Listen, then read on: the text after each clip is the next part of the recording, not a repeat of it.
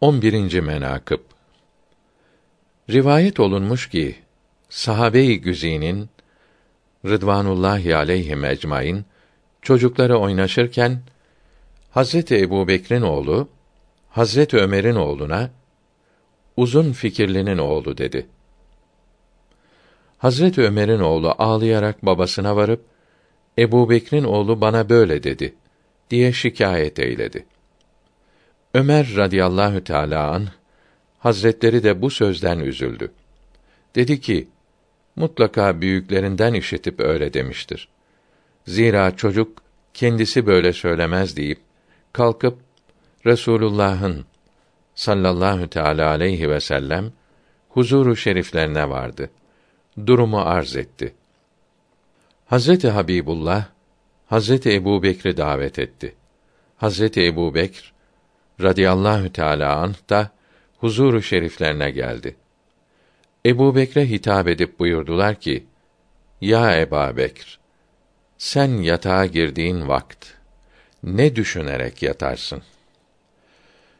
Ebu Bekr, radıyallahu an, bir nefesi veririm, geri almak müyesser olur mu, olmaz mı?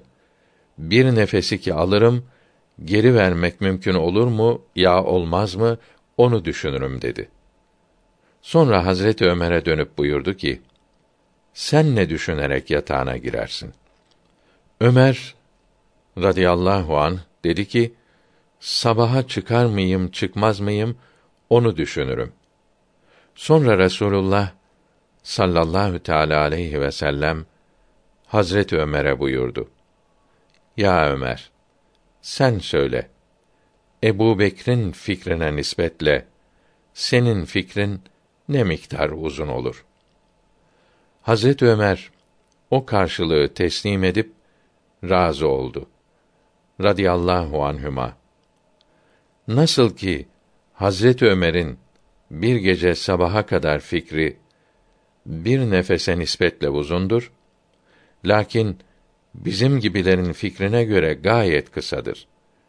Yaşımız ilerledikçe emellerimiz uzar, amelimiz kısalır. Uzun emellerimizden, tûl emelden Allahü Teala'ya sığınırız.